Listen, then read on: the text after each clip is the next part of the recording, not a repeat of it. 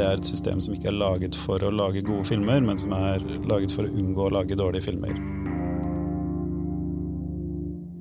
Hvordan blir en film til i Norge i dag? Og hva er egentlig forholdet mellom pengene og det vi ender opp med å se på kinoen eller på strømmetjenesten? Det skal vi snakke om i dagens episode av Morgenbladets filmpodkast. Jeg heter Viviana Vega, og med meg i studio har jeg Morgenbladets kulturjournalist Elise Dybygg. Hei. Hei. Vi har med oss eh, filmanmelder Ulrik Eriksen. Hei, hei. Hei. Og filmanmelder Aksel Kielland. Hallo. Hei, Aksel. I disse dager kan man se en litt uvanlig norsk film på kino. Filmen har fått tittelen 'Den siste våren', og den har allerede blitt vist på den anerkjente filmfestivalen i Locarno og i Gøteborg, hvor den ble nominert til Bergmanprisen. Ulrik, du har eh, anmeldt 'Den siste våren'. Eh, hvordan vil du beskrive den? Ja, Det er en oppvekstskildring. Eh, Det er to søstre som eh, vokser opp i Lofoten, eh, på Gimsøya, tror jeg det er. Og den er fortalt da gjennom den yngste søsteren, som heter Eira. Som er veldig opptatt av storesøsteren sin, som er en god del eldre. Hun er på en måte på vei ut av hjemmet, mens hun er kanskje akkurat i begynnelsen av tenårene.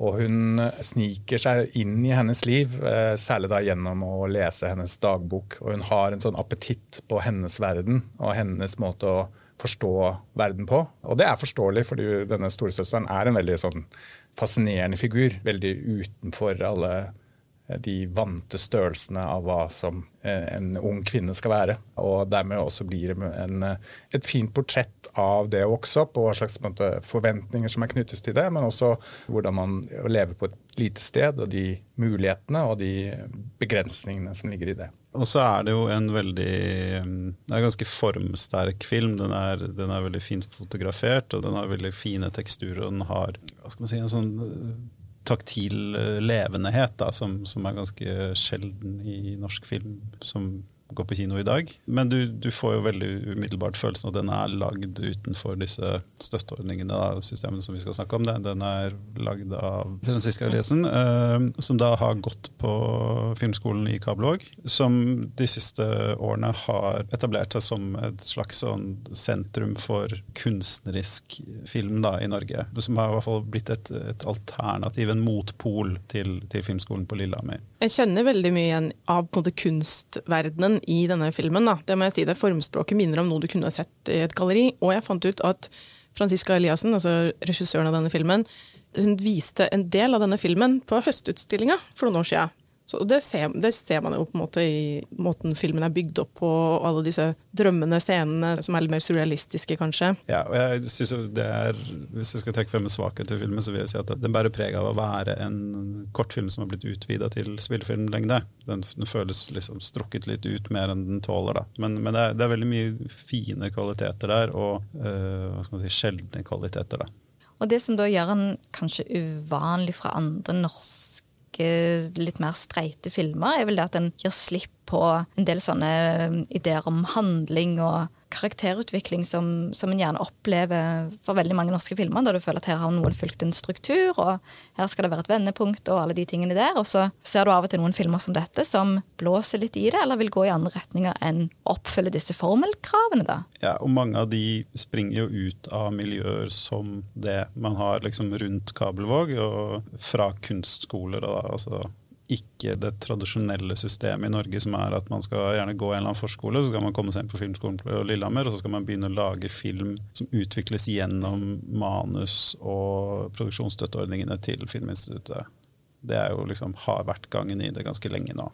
Den siste våren er jo det vi kaller en uavhengig film. Ikke sant? Og en, det er en veldig lavbudsjettsfilm. Men hva betyr det i Norge i dag? Hva, hva er en uavhengig film i Norge? Det er jo mye sånn terminologi som kommer fra USA. da. Og, og Indie-film? Ja, for vi har jo ikke de store studioene i Norge. Sånn at Det blir litt rart å snakke om det. Vi kan si lavbudsjettfilm eller jeg vet ikke, produsert utenfor NFI. Det er kanskje mer konstruktive begreper. Jeg syns det er ganske interessant uh, sånn definisjon på hva en lavbudsjettfilm er. Det er veldig forskjellig i Norge og USA. I USA så regner de alt som er, koster mellom 20 til 50 millioner kroner å lage. Det er liksom lavbudsjettsfilmer, da. Mens i Norge så er den dyreste filmen som noensinne har blitt lagd, den kosta 110 millioner. Det var 'Krigsseileren'. Ja, Men her er det viktig å ha noen sånne konsepter på plass. Da, for Det er ikke så lett å sammenligne USA og Norge på noen som helst måte. Både pga. størrelsen på landet, men også pga. Uh, tradisjoner knyttet til hvordan film støttes og hvordan, eller hvordan film ikke støttes. Altså USA har jo ikke noen filmstøtteordning å snakke om i det hele tatt. Altså, de har ikke et system som fungerer på den måten som vi er vant til i Europa altså Når man snakker om en indiefilm i, i USA, så handler jo ikke det om den får støtte eller ikke. Det handler om i hvilken grad den er tatt under vingene til et av de store studioene. Som var den tradisjonelle måten å lage film på i USA. Det har aldri vært den eneste, men det har vært den viktigste. Og så har det på en måte indie-filmbegrepet dukket opp eh, på 80-tallet 90-tallet og blitt en, måte en sånn alternativ måte å produsere på. Men eh, produksjonskostnadene kan ofte være ganske høye også i den sektoren. Så det er viktig å måte, ha, ha, det litt sånn klart for seg at eh, indiefilm i USA og en uavhengig filmproduksjon i Norge er to vidt forskjellige ting. Her er det snakk om at man lager film åkke som. Og det som måte preger disse uavhengige filmene, eller de som er laget utenfor et sånt tradisjonelt støttesystem i Norge, er jo at de enten er rene kommersielle produkter. Altså at de ønsker bare å prøve å bare lage film og kanskje tjene noen kroner. Som ligner litt mer på den amerikanske versjonen. på en måte. Eller så eh, har de et så sterkt ønske om å på en måte forsøke å lage kunst, og de får ikke noen andre til å støtte det, at de går gjennom alle mulige slags muligheter til å få gjort det. Og da er Én mulighet er jo på en måte da å få f.eks. kortfilmstøtte, for det er litt enklere å få kortfilmstøtte, og så utvide det. Eller gå i kunstverden og få støtte til et mer sånn kunstprosjekt, og så bruke de midlene til å utvikle deg videre til en, en spillfilm. Og så er det selvfølgelig også sånn at teknisk nå så er det enklere eh, å få til relativt profesjonell filmproduksjon uten de helt enorme kostnadene. Altså For 15-20 år siden så ville en sånn type produksjon som det her vært umulig innenfor en sånn type budsjett som den filmen er laget inn i. Kan jeg bare si noe om den siste våren som, eh, som slo meg når jeg så den? At den har en sånn voldsom oppriktighet over seg, og en sånn dedikasjon til på en måte filmmediet og det å være en litt sånn rotløs person i en vanskelig tid, som på en måte var superspennende og fascinerende å se på. For noen måneder siden så jobbet jeg mye med, med 90-tallshumor og uh, Lille Lørdag og alle disse. Og det slo meg jo at denne filmen ville jo blitt revet i stykker av liksom Harald Bård Tufte i sin tid. Jeg tror de har et sånn segment til sånn norsk film, noe for meg. Og så bare tulle klipp fra liksom hvor, hvor oppriktig og teit og kunstnerisk liksom ambisiøst norsk film er. da. Ja, og det synes jeg Derfor er denne filmen så godt utgangspunkt for å diskutere filmproduksjonen i Norge. for at denne filmen er på en måte alt det som ble definert som teit og feil da vi fikk liksom den uh, nye norske liksom, Da norsk film ble noe folk ville se da, tidlig i forrige tiår, så var det nettopp liksom, det poetiske, det pretensiøse og, og, det å prøve ut ting på sett og i klipperom og sånn, det skulle man ikke gjøre. Du skulle ha profesjonalitet i alle ledd, altså folk skulle kunne leve av det, og, og du skulle ha noe kommersielt salgbart som publikum ville se. Dette ble da gjort etter mal fra Hollywood, selv om som Ulrik sier, så finansieringen er en helt annen, og det, det, gir ikke mening å sammenligne oss med USA på det feltet. Og det, det man ville bort fra, er nettopp det du sier, da, liksom er jo kanskje liksom, eh, Aune Sands Dis er vel kanskje filmen fremfor noen som er liksom det, man vil, det man vil distansere seg fra. Det og den uh, sexscenen i, i, fiskebåten fra Brenta Frost av Knut Erik Jensen. Uh, men så ser vi jo liksom da at når man har villet ha det vekk fra filmen, så har man snevra inn registeret en god del. da. Det har vært en tilbakevendende klage de siste 15 årene at eh, norske filmer handler om folk i leiligheter i Oslo. For at det er rimelig å lage, og det er her alle produksjonsselskapene er. Men man, ikke bare det, men man har liksom mista liksom en inderlighet og en tekstur og en måte å tenke å lage film på, som man da i de senere år har sett komme tilbake. Både fordi at liksom den andre norske filmen oppfattes å være utilstrekkelig, men også fordi at du har fått disse nye miljøene da, hvor denne type produksjoner eh, lar seg gjøre. Det er lettere noen gang å lage uavhengige filmer, men det er og blir et problem å få de sett i noen særlig grad. Mm. Vår tids redsla for alvor, som uh, uh, en bok av uh, Roy Andersson het. og Det er jo litt det det handler om, altså, at man måtte ta tilbake det. For dette, som Elise sier og Aksel er inne på, så er jo dette en film som fint kunne på en måte blitt ironisert over under betegnelsen 'føling i fjæra'. Fordi det er mye føling i fjæra i denne filmen. Ja, det er det faktisk, bokstavelig talt. Bokstavelig talt, Og de tar det helt, helt, seriøst og kommer unna med det, i mine øyne. da. Så det er jo nettopp det som Aksel sier, at det er et rom her for å på en måte lage filmkunst som er temmelig kompromissløs når det kommer til å, å tørre å være sår og var og følelsessterk eh, uten at eh, man er redd for at det blir ironisert bort. Jeg tror vi har veldig mye å hente i norsk film da, på å spille litt mer på det. Altså, det trenger ikke å være inderlig nødvendigvis, men litt det der drevet av kreativitet og pågangsmot. Og særpreg, ikke minst, i stedet for at vi bare hamrer ut sånne middelmådige Hollywood-kopier. Fordi vi har ikke budsjettet engang til å gjøre det like stort og fantastisk som, som, Hollywood. Og veldig mange av de beste norske filmene jeg har sett de siste årene, har jo vært laga på ganske lavt budsjett, og av folk som har en fot inn i kunstverden, f.eks. i Tonje Søymer Guttormsen sin Gritt fra 2021. Jorunn Myklebust Syversen sin 'Hoggern' for 2017, også veldig interessant. Og dette er liksom filmer som har lavt budsjett, men som jeg tror egentlig har mer potensial til å nå utenfor landegrensene også, da, hvis man er veldig opptatt av å eksportere norsk film. Da, så tror jeg du får igjen mye mer. Ja, absolutt. Og jeg eh, intervjua i Tonje Semer Guttormsen når hun eh, kom med Grit. da. Og da snakket hun litt om den opplevelsen hun hadde av å gå på den norske filmskolen på sånn begynnelsen av 2000-tallet. Og det var jo igjen sånn at den var veldig var på det at det å lage kunstnerisk ambisiøse filmer, det skulle en ikke gjøre, for det var bare flaut. Og det er jo liksom med Filminstituttet så er det jo norske skattepenger du bruker. Sånn at du må jo kunne forsvare det, og ikke bare lage sånn kunstnerisk tull. Sånn at det en jobba veldig hardt for, var liksom den sånn hellige treenighet mellom at produsent, manusforfatter og filmskaper eller regissør var tre ulike personer, og liksom kunne bygge opp det. Og jeg har jo skjønt at til en viss grad så er NFI sitt system òg tufta på at det er en ordentlig produsent som sitter og produserer, så kommer det en manusforfatter, så kobler du på en eh, regissør. Men det du da ikke får, er jo den der utforskende autørtypen, da. à la Vam og Vennerød eller ja, fordi de, de, filmene jeg har nevnt som eksempler, det her er jo ofte regissører som gjør veldig mye selv. Og Franziska Eliassen har virkelig gjort mye selv. Hun har både eh, skrevet manus, regissert, klipt og gjort lyd, tror jeg. Ja, Det er ganske mange jobber på én person. Så bare det at det er mulig i det hele tatt, da, det sier jo litt om potensialet i, de små filmene, da, tenker jeg. Du kan få utrolig mye med lite. Ja, men da må vi innom på en måte det er, det er, mange tanker som, som ligger bak systemet, eh, NFI-systemet og konsulentsystemet, sånn som det eksisterer. Det liksom, min, min, kjepphest er jo det at det er et system som ikke er laget for å lage gode filmer, men som er laget for å unngå å lage dårlige filmer at det er et kvalitetssikringssystem, men instituttet er jo ikke produsenter. altså Det er riktignok ganske sånn uklare skiller i det meste Norsk Filminstitutt foretar seg i deres liksom, reelle makt og autonomi og, og, sånne ting, opp mot uh, både produsenter og, og, og, Kulturdepartementet.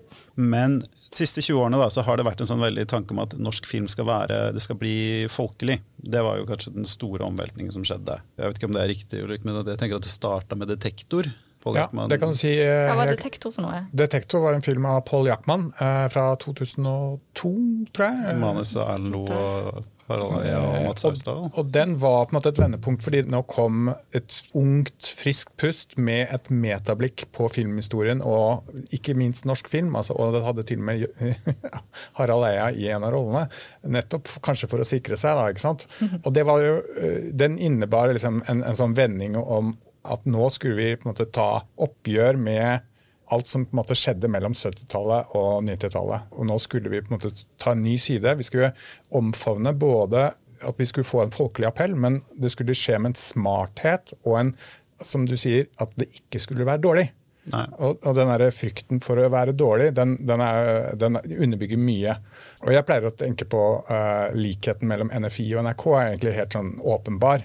Fordi at de opererer innenfor ganske like både rammer og også forventninger, og også frykt for å miste legitimitet. Fordi at Hvis de mister sin folkelige legitimitet, så mister de også sine finansieringsmuligheter. De trenger den folkelige legitimiteten for å kunne slå i bordet og si at vi trenger mer penger. Både NRK og NFI gjør det. Og veien til folkelig legitimitet går gjennom å ikke være dårlig. Det går gjennom å prøve å være god og bred. Populær å ikke kunne bli gjort narr av, da. Sånn ja. åpenbart narr av. Man har ryggen fri. Og jeg tror norsk film fikk veldig mye selvtillit på til 2000-tallet. For da begynte nordmenn å gå og se norske filmer på kino. Det representerte et slags vendepunkt. Og ja, og det, var jo nettopp et, et, resultat av veldig mye av dette som ble gjort da. Og, det har jo ikke bare vært positivt for norsk filmbransje. Det altså disse var det 1,3 millioner billettene Max Manus solgte.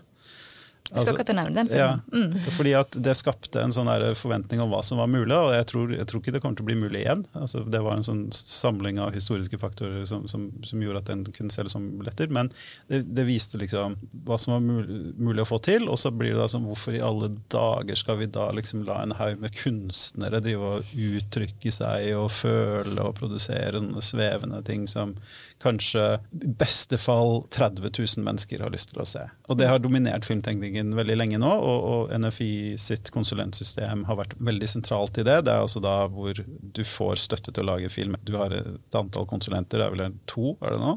Tre tre, eh, som sitter og, bestemmer hvilke filmer som får støtte og blir lagd. Det har vært en tanke der om at de skal liksom lære litt, i hvert fall hvis det er debutanter, så skal de også få en, de skal lære hvordan film fungerer. Eh, så det blir en sånn fortsettelse av Lillehammer, på en måte, enten folk kommer derfra eller ikke. Ja, De, de legger seg opp i produksjonen i stor grad også? Sånn, i, ja, de har, de har, krav, og de har, du, kan, du, får ikke bare en sekk med penger. Men, men, det som har skjedd de senere år, da, er jo nettopp at vi har fått flere av disse filmene som vi snakker om i dag. Men så er det også at kritikken mot NFI har blitt stadig mer markant da, fra bransje og, og, folk rundt. Og de har hatt problemer det siste året. altså Folk som slutter, og det snakkes om at de, liksom, de er i ferd med å miste i hvert fall den faglige legitimiteten. Det er det mange som snakker om. Og, og da, da, da, da, virker det som nå, i større grad enn på noe tidspunkt, uh, som jeg kan huske, som om denne konsulentmodellen og det finansieringsmodellen er moden for endring. da. Problemet er at det kommer ikke til å skje med mindre det skjer fra politikerhold. og det, fordi NFI har veldig få insentiver til å ta den endringen, i hvert fall med dagens uh, styre. Hvis det skal skje en endring, så må det skje en endring i ledelsen på NFI. fordi sånn som de fremstiller det, så er de såre fornøyd med at eh, NFI er i ferd med å gå dukken, uh, sånn faglig sett. fordi det har virkelig vært en altså, det er en krise. Uh, let's face it. Liksom. De som har, har hatt med filmproduksjon å gjøre, har forlatt NFI i protest, rett og slett. Og det har kommet nye inn, men det har ikke kunnet tette de hullene. Og legitimiteten og troverdigheten og, og tilliten mellom bransjen og NFI er ganske strukket.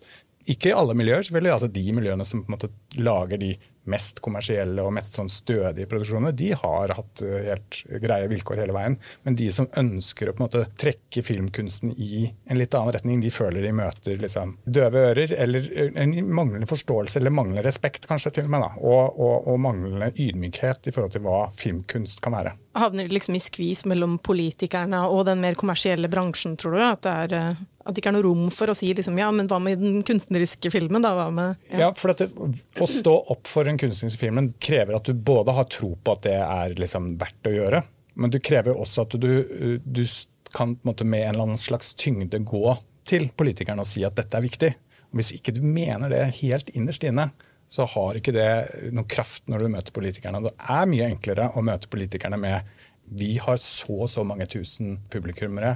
Våre TV-serier, våre filmer blir sett av så og så mange nordmenn på alle flater over hele Norge.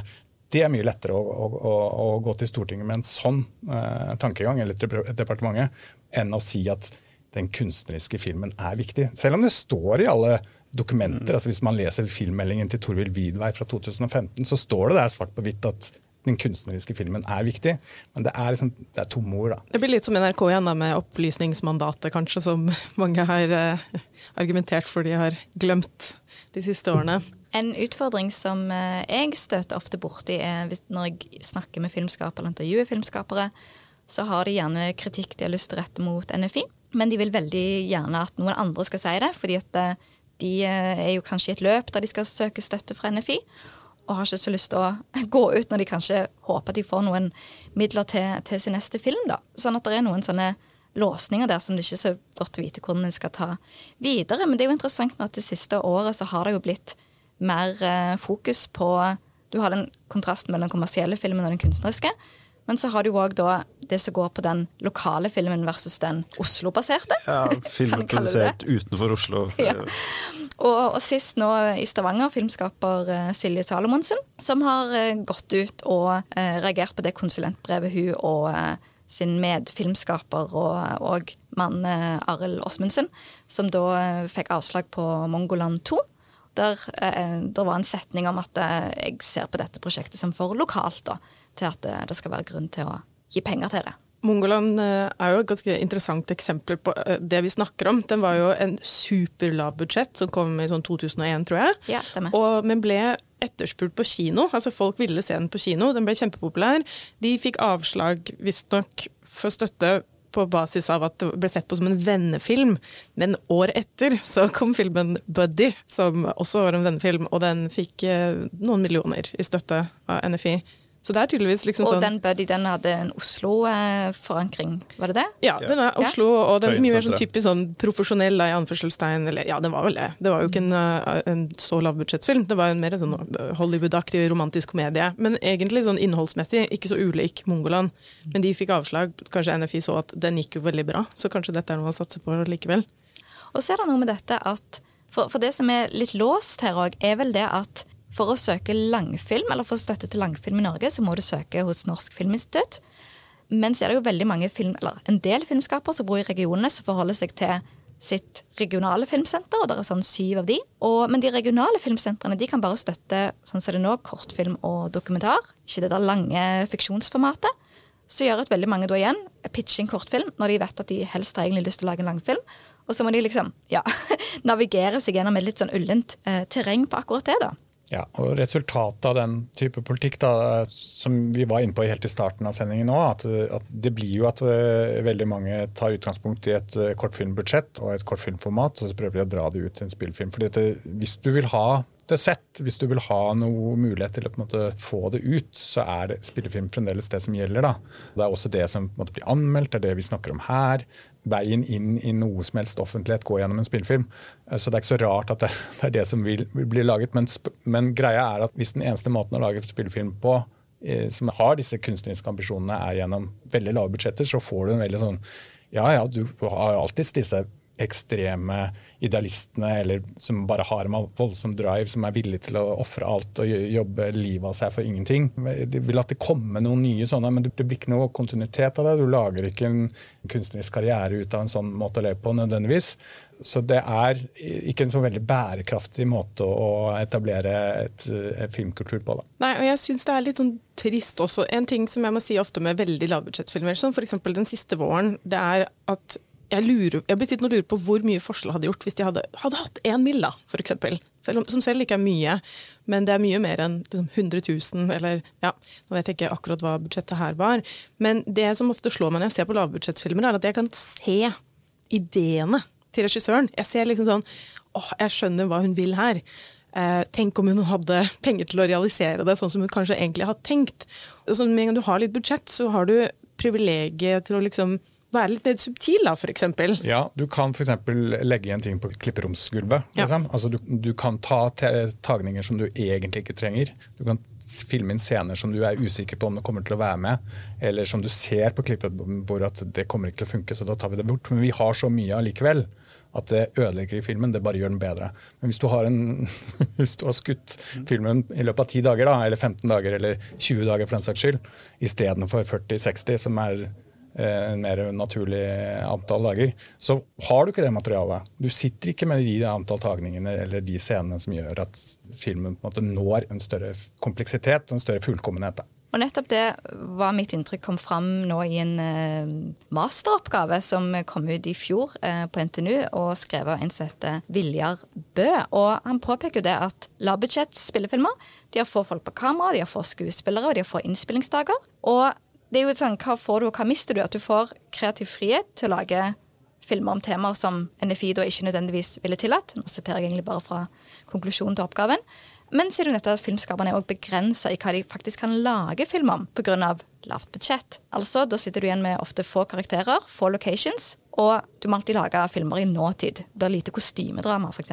Absolutt. Og da tenker jeg det er ofte to sjangere du får da, med disse begrensningene. Det er enten skrekkfilm eller kunstfilm, sånn som eh, den, eh, den siste våren. Litt mer sånn eksperimentell film, da, kan man kanskje kalle det. Skrekkfilmen er sånn typisk inngang til den typiske Hollywood-type filmen. Du kan bare ha fem folk i en hytte og litt uh, fake blod. Så manuset trenger ikke være så bra så lenge det er litt skummelt og sånne ting. Og det, det er sånn typisk ting du kan få til Ja, men så, Den er ikke lang og stolt, den uh, norske skrekkfilmhistorien. Og i hvert fall ikke den norske lavbudsjettskrekkfilmhistorien. Vi har jo ikke de økonomiske mekanismene som du har i USA. Da, at liksom du kan lage en liten, billig skrekkfilm og så tjene penger. Det, det, det har vi ikke. Altså, Ja, du har Villmark, da. Den var jo ganske sånn eh, Ja, del av den der nye norske bølgen. Ja, men det eh, er jo liksom en stor profesjonell film. da Altså sånn at Du kan ikke, du kan ikke slenge sammen liksom noe med vennene dine. Eller altså, Det har, det har ikke skjedd til nå. Eh, Og jeg, jeg sitter jo og håper jo liksom hele tiden på at noen skal greie å løse den der eh, koden der, få til det. For det hadde gjort så utrolig mye liksom, hvis du faktisk fikk litt sånn en fungerende økonomi inn i den liksom ikke-støttede filmen. Men der tror jeg du ser, Det er forskjellen mellom 100 000 og 1 million igjen. da, ikke sant? At du kan, du kan lage en sånn dårlig lavbudsjett, eller bra lavbudsjett skrekkfilm også, tror jeg, hvis du har liksom 1 mill. Men 100 000, det er nesten umulig. Og Da må du ha et så utrolig sterkt manus, og så må du klare å finne noen bra skuespillere som er villige til å jobbe gratis. liksom. Og det, det er ikke så lett. Nei, og, men altså, Det er jo problemet med film i større grad enn alle andre kunst, eller de fleste andre kunstformer. Det koster jo penger, og kunstneren har som regel ikke de pengene selv. Så Derfor i Norge så kommer veldig mye av det fra fellesskapet, og det skaper noen problemer. og det er jo derfor det, altså Den konsulentordningen og støttesystemet til NFI det er jo et kompromiss. Altså, for det skal jo sørge for at flere får sjansen. At ikke pengene skal gå til de samme folka igjen og igjen og igjen. Og så kan man jo alltid diskutere hvor vellykka det er, og det bør man diskutere. Men man må alltid ha det i mente at det er ikke noe sånn man kommer ikke unna den forpliktelsen å prøve å demokratisere prosessen, eh, og at det er vanskelig. I fjor, tror jeg det var, så var det en britisk filmskaper som het eh, Mark Cousins. Han skrev en artikkel i det britiske filmbladet Sight and Sound, der han kom med en som Så jeg syns var en ganske spennende måte å dele inn eh, ulike typer filmskapere på. Han påpekte at på den ene siden så har du de som lar seg inspirere av filmhistorie og filmteknikk, og er veldig opptatt av filmmedie, og henter òg inspirasjon fra det andre regissører har gjort før. og og da er f.eks. Um, Scorsese et godt eksempel der. Og så har du de filmskaperne som ikke er så opptatt av filmmediet, men veldig opptatt av verden rundt seg, av uh, virkeligheten og kanskje også helt andre kunstformer. Og så bruker filmmediet til å utforske alt annet rundt dem. da. Og der vil jeg jo plassere den siste våren, filmskaperen uh, Francesca, Francesca Eliassen, som veldig sånn Du får Jeg tror jeg sjelden sett en film som er så liksom, tematiserer jeg opp mot en klimakrise, f.eks. Men eh, to da litt parallelle ting. Er det en inndeling som har noe for seg, tenker dere? Og er da den siste våren i, i siste kategori av et veldig sånn utadvendt, men òg jeg-sentrerte filmblikk? Jeg, jeg tror eh, den absolutt hører hjemme i den siste kategorien, men jeg tror alle som i det hele tatt gidder å sette i gang på prosjektet, må lage noe som er over én time lang for at det skal liksom kunne være på kino og sånt. De må ha en interesse av kinofilm. Hvis ikke så kan de jo bare lage kunstkortfilmer for eksempel, og vise dem på galleri. Og, og det er jo på en måte det som er imponerende med Franziska Eliassen. For jeg tror f.eks. på kunstskoler og sånt, så lærer man å bli generalister, versus på filmskoler så er du mer sånn spesialist. På kunstskoler så lærer du å, jobbe med liksom både video, kostyme, lyd og alt sånt der, men du lærer ikke nødvendigvis noe om dramaturgi og manus og sånn, så jeg syns det er imponerende at hun har kunnet ta på en måte alle disse kunstskole-savvinessen som jeg føler meg ganske sikker på at hun har, men også klart å sy det sammen til en sammenhengende lang historie. For det er faktisk ganske utfordrende med det utgangspunktet hun har, tror jeg. Så, så jeg tenker de fleste filmer havner nok sånn litt på midten av de, de to kategoriene, men det er noe i det. Og skrekkfilmen havner definitivt i den første. For det er, som jeg sa, da, en typisk inngang til liksom, den klassiske Hollywood-filmen. Ja, jeg tenker vi kan gi oss der, eh, kanskje. Har dere noen anbefalinger på tampen? Jeg vil være så kjedelig eller så forutsigbar som å bare anbefale Den siste våren, som jeg har anmeldt uh, for Morgenbladet. Uh, og jeg har sjelden sett en debut av en norsk ung filmskaper. Uh, hun er jo bare 25 år, tror jeg, eller 26 år. og Ganske forbløffende, syns jeg. Og fortjener å bli sett på kino. Den har absolutt sine svakheter, men først og fremst så er det en, en ganske unik filmopplevelse. laget av et helt ubeskrevet blad, i hvert fall for meg. Så gå på kino, se en helt uh, unik og uavhengig film uh, som ikke har fått penger fra NFI. Veldig bra.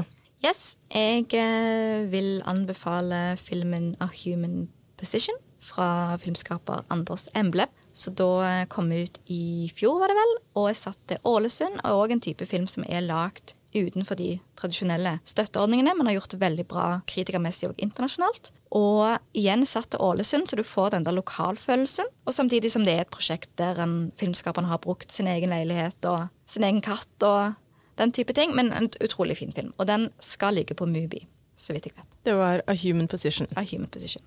Ja, jeg skal anbefale noe cinematisk norsk videokunst. Eh, det er en kunstner som heter Ingrid Torvund, som eh, ofte samarbeider med en som heter Jonas Mailand. De lager science fiction-filmer med veldig sånn ja, mystisisme og science fiction. da, i ganske sånne, Det er kunstfilm, men det er også fortellende, og det er, det er veldig flott å se på. Hun er jo et eksempel på det du sier, at hun lager kostymene selv. Den liksom, beste kostymedesigneren i norsk film. I hvert fall mest særpregede og interessante. Det er jo da ting som vises i gallerier, men hvis man søker opp navnet hennes, så ligger det smakebiter på internett på nettsiden hennes. Så Ingrid Torven kan man lete etter. Yes. Jeg skal gå til eh, America, da.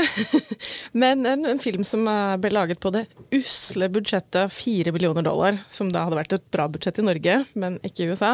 Eh, det er filmen 'Secretary' fra 2002, regissert av Steven Shaneberg. Den handler også om psykisk uhelse, da, i, likhet med Den siste våren en litt sånn suicidal ung kvinne som spilles av Maggie Gyllenhaal. Hun blir ansatt som sekretær hos James Spader, som er en utrolig merkelig fyr, og så innleder de et slags sånn sadomasochistisk forhold. da. Eh, men den er veldig underholdende, og spillet mellom de to skuespillerne er kjempemorsomt å se. Den er litt vanskelig å få tak i disse dager, men man kan leie den på SF Anytime. Leie eller kjøpe det. Secretary, altså. Vi har vært i kontakt med NFI om kritikken mot konsulentordningen som fremføres i denne podkasten, og i en e-post skriver avdelingsdirektør Therese Hollo Clausen at NFI ønsker god dialog med bransjen, og jobber aktivt for å finne gode arenaer for å få til dette. Når det gjelder hva slags filmer som får finansiering, skriver hun at de har plass til både den brede markedsfilmen som blir sett av mange publikummere, og kunstnerisk utfordrende filmer som sees av færre på kino. Det er ikke et kriterium i seg selv at NFI ser spesifikt etter det folkelige. Videre skriver hun vi er opptatt av at hver film skal treffe godt hos det publikummet den er ment for. Hun viser til at NFI har en tilskuddsordning som gir søkerne mulighet til å foreta publikumsundersøkelser allerede i utviklingsfasen. Dette gir filmskaperne innsikt tidlig i prosessen om hvem de lager film for, og hvordan den filmen kan treffe sitt publikum best mulig. Det var altså Therese Hollo Clausen, avdelingsdirektør for utvikling, spill og publikum i Norsk Filminstitutt, og du kan lese et litt mer utfyllende svar fra henne på morgenblad.no. Det var det vi hadde for denne gang i Morgenbladets filmpodkast, men vi er tilbake neste uke. På gjenhør.